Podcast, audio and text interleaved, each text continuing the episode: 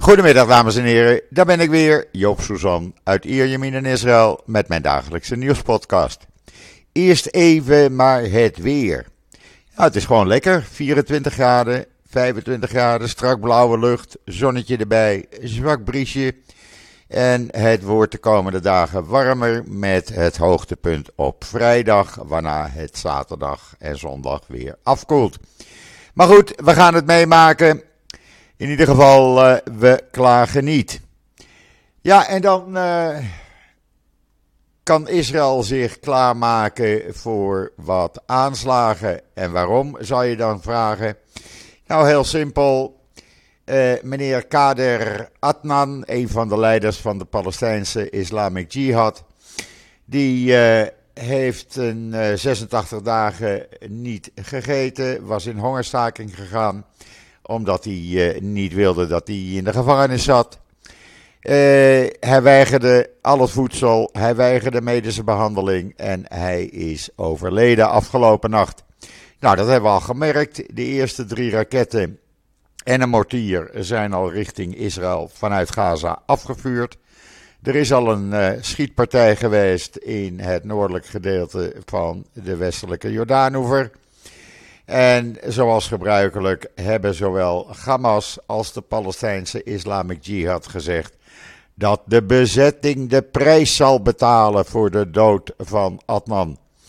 En ze riepen ook op tot een algemene staking in Gaza en de westelijke Jordaanoever. Want zijn dood zal een les zijn voor generaties. We zullen dit pad niet verlaten zolang Palestina onder bezetting blijft al dus de Palestijnse Islamic Jihad. Nou, en dan uh, wil Hamas natuurlijk ook nog een duit in het zakje, zakje doen.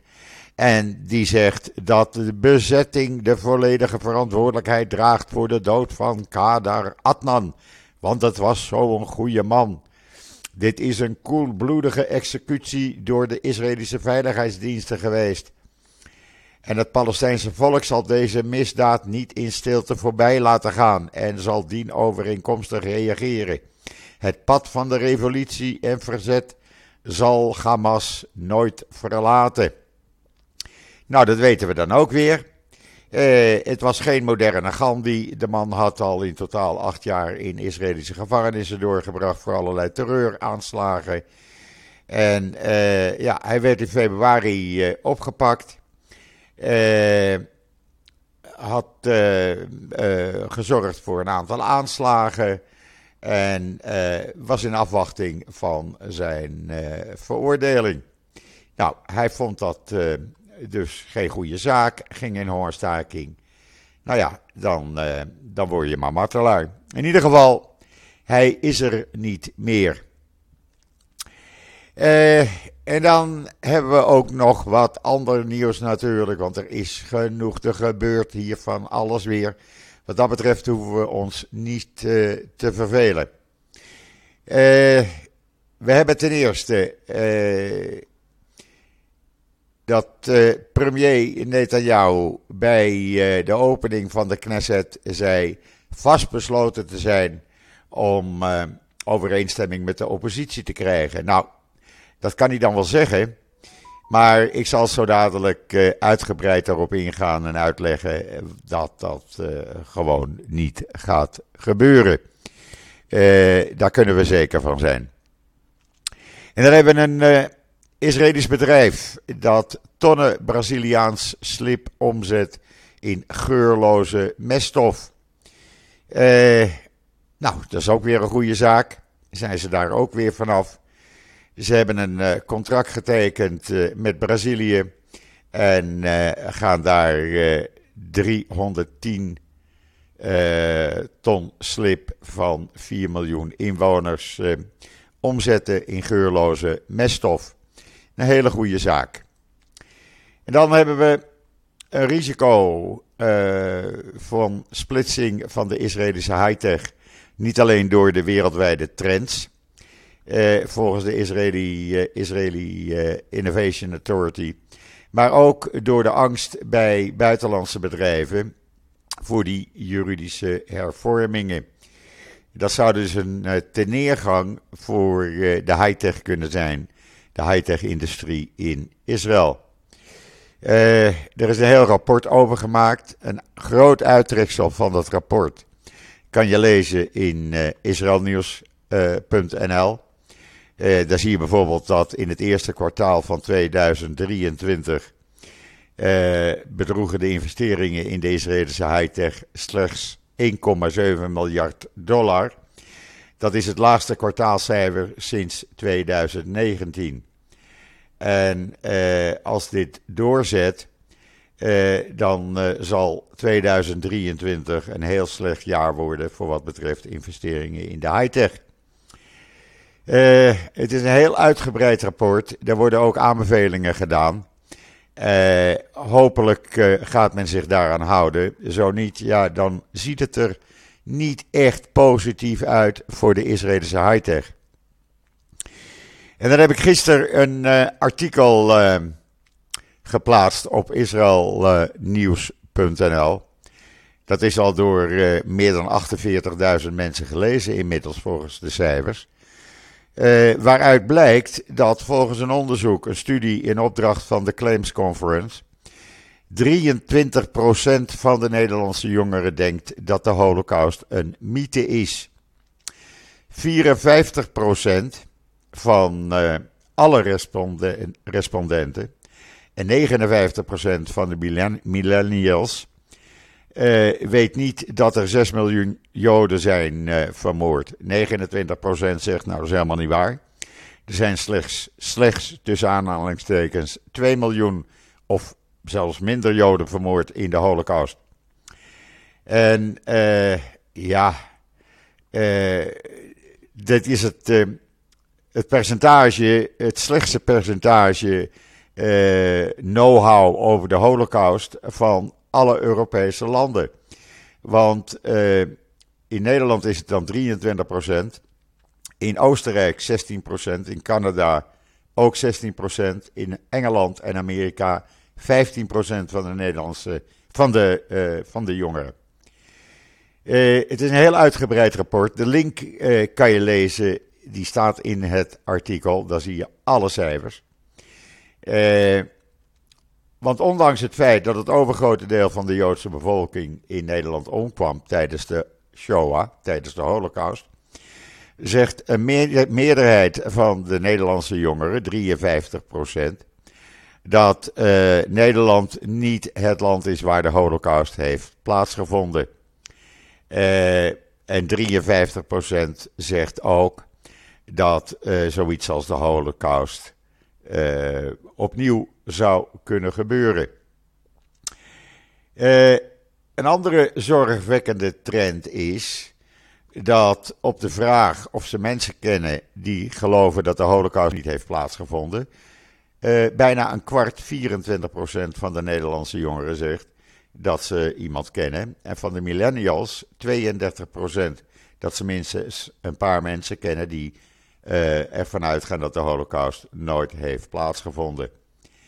Uh, eh, 62% van de Nederlandse respondenten zegt dat Holocaust-ontkenning vandaag de dag een probleem is. Ja, nou, dat, uh, dat is niet zo moeilijk natuurlijk. Maar als je dit dan legt bij de video van verleden week in de Telegraaf, Waaruit bleek dat Nederlandse jongeren, echte Nederlandse jongeren, op de vraag of ze wisten wat de Holocaust was, antwoorden Holocaust.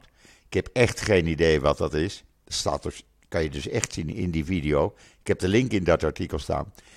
Ja, dan is het dus wel heel slecht gesteld in Nederland met, uh, zeg maar, niet alleen uh, de kennis, maar ook met het feit uh, dat er eigenlijk geen onderwijs wordt gegeven over uh, uh, de jonge geschiedenis, de Holocaust, de oorlogsjaren. ik vraag me af of er nog jongeren zijn die weten wat de 80-jarige oorlog betekent. Ik ben bang dat geen van de jongeren dat weet, helaas. Ik ga daar komende donderdag met Roland Kaan uitgebreid op in in een podcast. We zijn dat al uh, aan het uitwerken, aan het voorbereiden. Dat wordt een podcast donderdag uh, met Roland en mij over antisemitisme. Maar we gaan het ook hierover hebben, want ik vind het een grof schandaal dat Nederlandse jongeren, deze generatie, al niet amper weet wat de Holocaust is, er weinig of geen kennis van heeft. En dat betekent dat een volgende generatie helemaal niets weet. Dus met één of twee generaties vanaf nu uh, is de kennis over de Tweede Wereldoorlog totaal verdwenen en interesseert men zich daar niet meer voor. Als dat dan de toekomst van Nederland is. Wij kregen vroeger op school de 80-jarige oorlog. Uh, Columbus ontdekt Amerika. We kregen de Gouden Eeuw. We kregen de Middeleeuwen. Uh, dat wordt schijnbaar allemaal niet meer uh, geleerd op Nederlandse scholen. Ik vraag me af waar men mee bezig is. Wat men dan wel leert over de geschiedenis. Want dit kan toch gewoon niet. In ieder geval, lees het eh, zoals al eh, bijna 50.000 mensen voor jullie hebben gedaan op israelnieuws.nl. Ja, en dan is uh, gisteren de zomersessie van de Knesset eindelijk met veel tamtam en kabaal geopend. Het werd een partij moddergooien tussen coalitie en oppositie. Uh, waarbij uh, Lapid zei: als de premier uh, om eenheid geeft, moet hij de controversiële wetgeving begraven. En Netanyahu tegen de oppositie zei: alles wat je zegt tijdens de gesprekken is nee, nee, nee, nee. Nou, waar hij dat vandaan haalt, mag Joost weten. Maar de spanningen liepen enorm op. En dat ging natuurlijk hoofdzakelijk over die plannen voor de juridische hervormingen. Uh, je kan dat allemaal lezen in alle Engelstalige kranten staat het. Het werd één grote partij moddergooien en je schaamt je rot daarvoor. En daar kwam ook uh, mevrouw uh, Tali Gottlieb van uh, de Likud. En die kwam aankondigen in, in de Knesset dat wat haar betreft het Likud-paradepaardje justitiële hervorming hartstikke dood is. En we kunnen beter met andere zaken verder gaan, zegt ze, dan uh, ons hier nog voor in te zetten. Want er is geen dialoog meer met de oppositiepartijen. Ja, er wordt wel gesproken, maar dat komt toch, wordt toch niks. Uh, we, moeten het, uh, we moeten erkennen, zegt ze, dat we gefaald hebben. En we moeten de koers corrigeren en uitzoeken waar we naartoe gaan. Nou, dat werd haar niet in dank afgenomen door Netanyahu en anderen. En daarnaast uh, lees je in de Hebreeuwse uh, Ynet het artikel dat er uh, sprake is eigenlijk nu van twee partijen binnen de Likud. En dat de Likud een beslissend moment nadert. Een moment waarop besloten moet worden: gaan we door op dit pad met juridische hervormingen? Of gaan we ons toch inzetten voor uh, uh, proberen de kosten van levensonderhoud te beperken? Want die reizen de pan uit. Dat is gisteren, ik heb dat gisteren in de podcast gezegd, enorm gestegen. Je kan uh, geen artikel noemen of het is wel duurder geworden. En niet een paar procent, nee, sommige artikelen gewoon tientallen procenten. En vooral in voedsel. Uh, het is beter om uh, iets te bestellen als zelf te gaan koken. Want gas, water, elektra, het is allemaal duurder geworden. voedsel, je moet ervoor je huis uit, je moet gaan kopen. Het is hartstikke duur. Je kan beter bestellen wat je nodig hebt. Dan ben je waarschijnlijk goedkoper uit, want dan hoef je ook niet af te wassen. In ieder geval, in de Likud begint het besef te groeien dat de juridische revolutie eh, in zijn oorspronkelijke vorm niet door kan gaan. En dat zijn twee partijen. Daar hebben we aan de ene kant zeg maar de Havike, en dat is dan uh, uh, natuurlijk de minister van Justitie Levin. We hebben Miri Regev, we hebben Dudi Amsalem, we hebben May Golan, Slomo Karai, we hebben natuurlijk Tali Gottlieb. Maar aan de andere kant is er een partij in de Likud die zegt: eh, laten we proberen de zaak te normaliseren. Laten we ons gaan inzetten voor wetgeving die belangrijk is en niet deze juridische hervormingen. En dat zijn Julie Edelstein, David Bitan, Joaf Galant en Nier Barkat. die kan je rekenen onder de meer gematigde vleugel. En er zijn dus gewoon twee partijen nu binnen de Likud. En hoe dat gaat aflopen, ja, uh, je kan elkaar niet de tent uit uh, gaan vechten. En uh, die minister van Justitie, Levin, die kan wel zeggen: Ik ga door waarvoor ik ben aangenomen. Maar als dat niet werkt en als het één grote een groot drama wordt voor de Likud, waarbij ze constant stemmen blijven verliezen in alle peilingen, ja, dan kan je maar beter zeggen, jongens, laten we dit maar even in de kast zetten. En ons bezig gaan houden met zaken die echt belangrijk zijn. Want 53% van de Israëlische bevolking heeft gisteren in een peiling gezegd dat ze, uh, wat hun betreft, de kosten van levensonderhoud het allerbelangrijkste vinden op dit tientallen keren belangrijker dan uh, uh, die hele juridische hervormingen. Ja, hoe dat gaat aflopen. Ik zeg wat vaker: never a dull moment in Israël. En dat zal ook nu weer het geval zijn. Want we hadden gisteren ook weer een leuk geintje in de Knesset. Daar hadden we die extreem harde Likud uh, Knesset-lid Megolan, die zou eerst consul-generaal uh, voor Israël in New York worden. Nou, dat werd niet in dank aanvaard door de Amerikaanse regering. Netanyahu heeft toen bakzeil gehaald en heeft die benoeming ingetrokken. Maar ja, dan moet je die vrouw toch iets anders als een baantje geven. Dus hebben ze er minister voor, dan moet ik het goed zeggen, de status, voor de bevordering van de status van vrouwen gemaakt. Wat dat dan inhoudt, weet geen mens. Het is in ieder geval wel een mooie titel. Maar ze was nog niet koud benoemd of ze begon toch een scheldpartij tegen leden van de oppositie. Dat werd een, tirade van heb ik jou daar, uh, met name tegen Miraf eh, Ben van eh, de partij van Lapid. Uh, daar ging ze me een partij tegen tekeer. Uh, en die noemde ze een hypocriete, ellendige, verdorvende, liegende vrouw.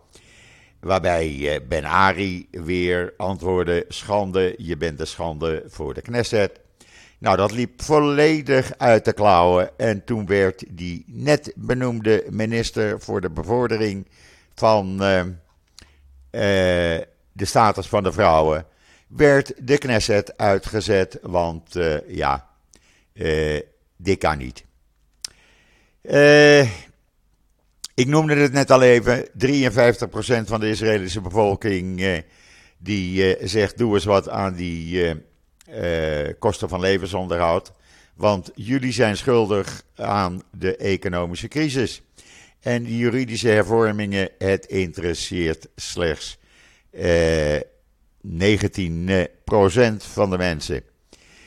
Eh, 61,5% van de mensen die op de coalitiepartijen hebben gestemd, vond dat de regering nu echt werk moet maken van die sociaal-economische situatie. En dat moet aanpakken. En laat die juridische hervormingen maar liggen.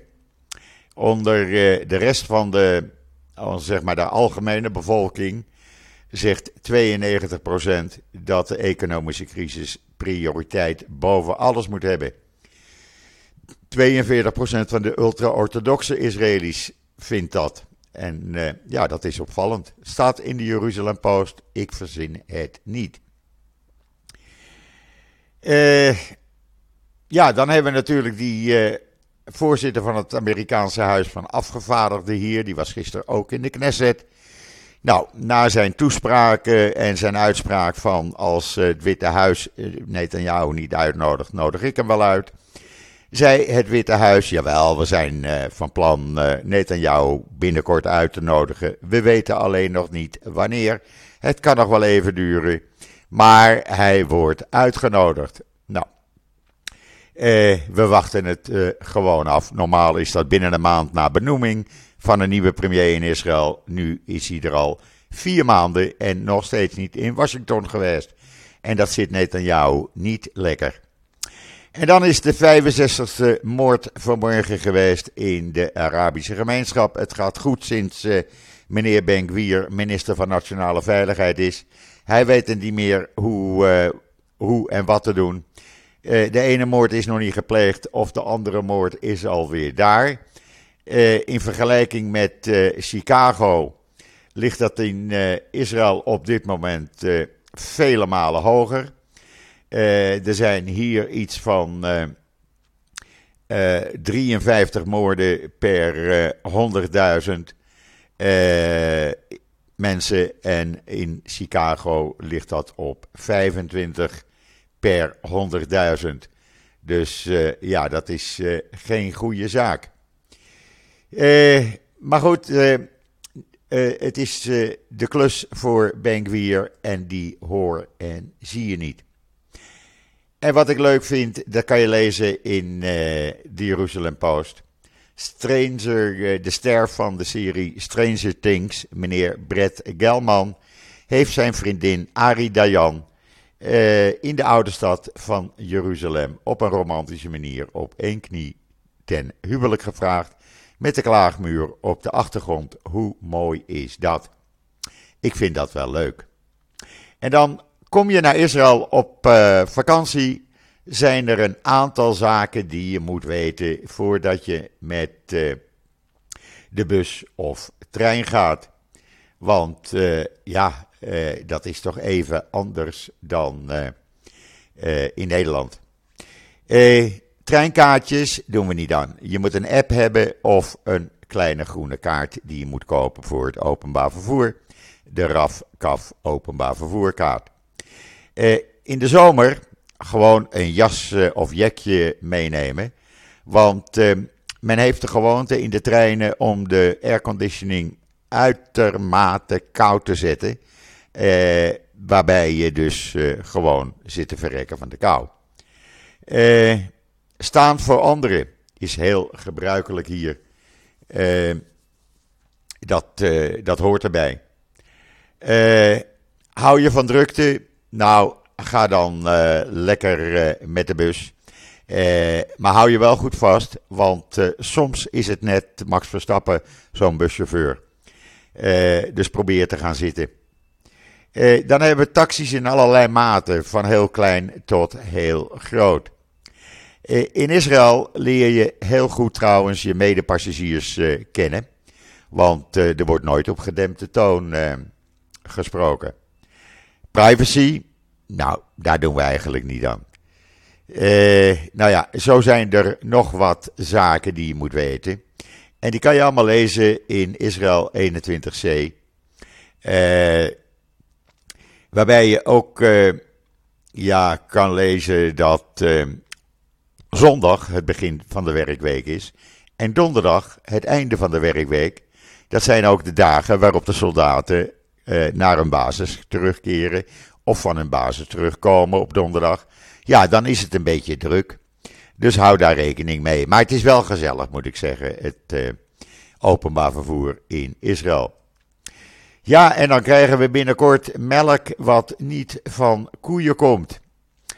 Uh, Danone, u kent het wel, Danone uit Frankrijk, is een strategische investeerder geworden in het Israëlische bedrijf voor uh, koevrije melkproducten Imaginary Limited.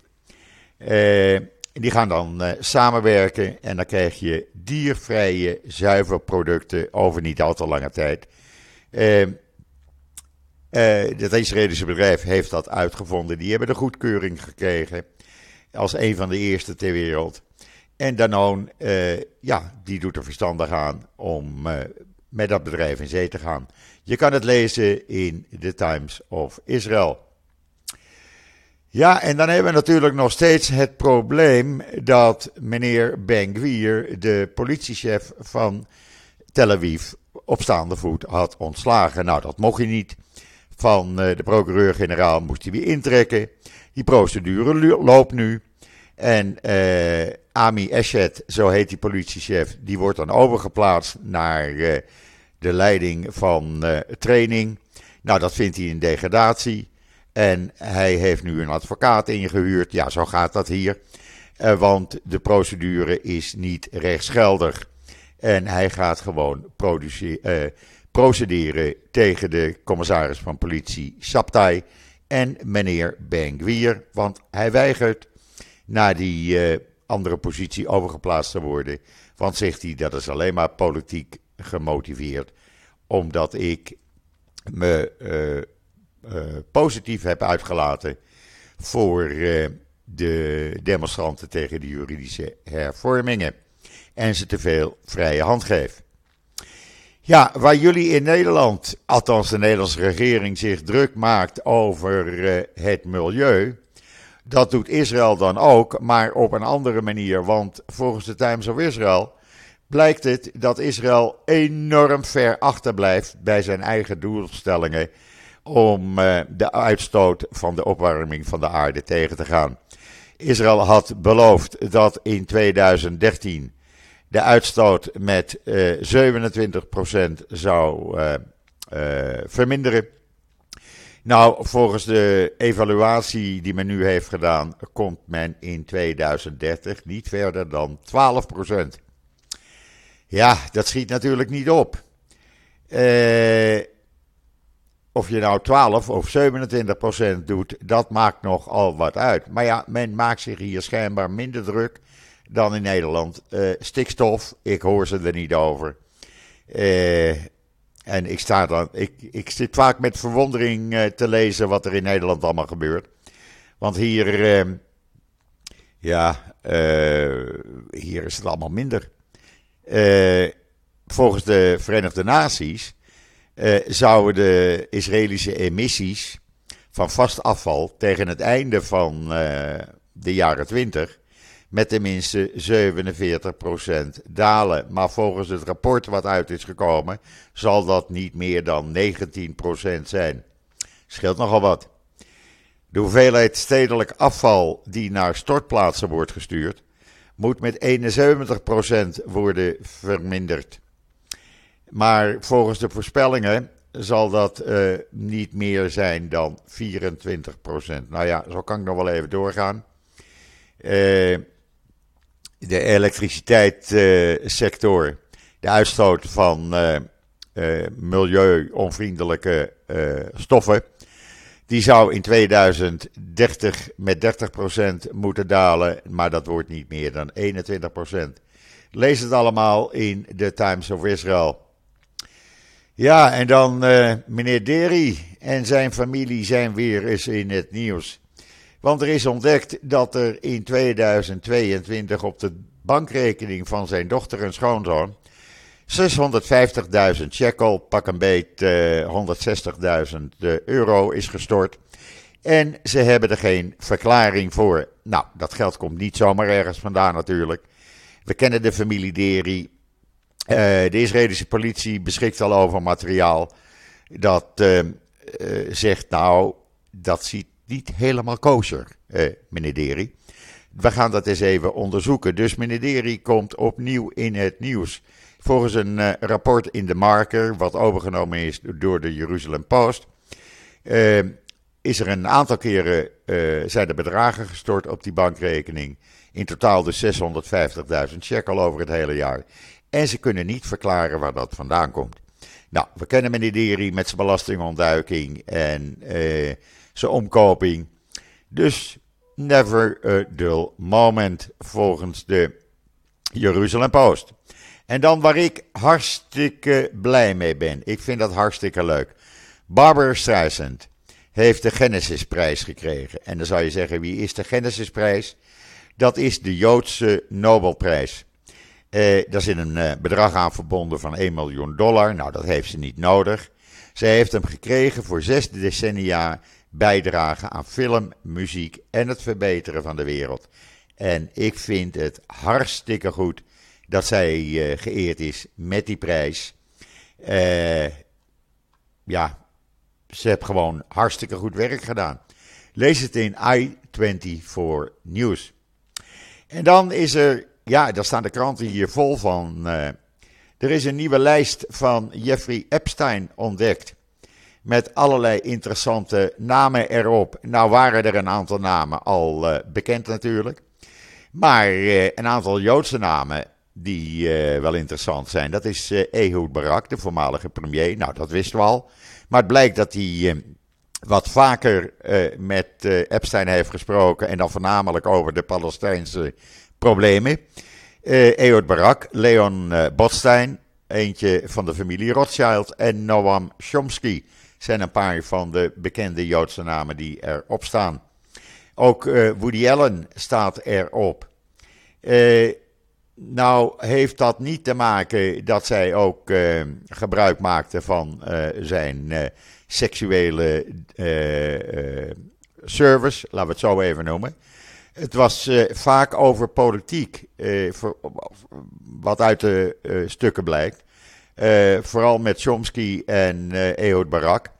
Uh, er werd vaak over politiek gesproken en hoe politieke problemen op te lossen. Maar wel interessant, zo'n lijst. En dan, ja, dan hebben we eigenlijk de belangrijkste punten zover gehad. het wordt er, ja, never a dull moment, laat ik het maar blijven zeggen. Want je verveelt je niet. Er is elke uur wel weer wat anders. Eh, maar dit waren even de belangrijkste punten. Het allerbelangrijkste natuurlijk eh, blijf ik vinden. En nogmaals, daar ga ik donderdag uitvoerig een podcast over maken met Roland Kaan. Over het gebrek aan kennis van Nederlandse jongeren over de Holocaust. En het gebrek aan kennis over de Jodenvervolging en dat men dat amper weet en leert op middelbare of lagere scholen. Eh, ik zal daar voorlopig nog niet over uitgesproken raken. Goed, dat was het wat mij betreft voor vandaag. Ik wens iedereen nog een hele fijne voortzetting van deze dinsdag, de 2e mei. Ik ben er morgen weer en zeg zoals altijd: tot ziens, tot morgen.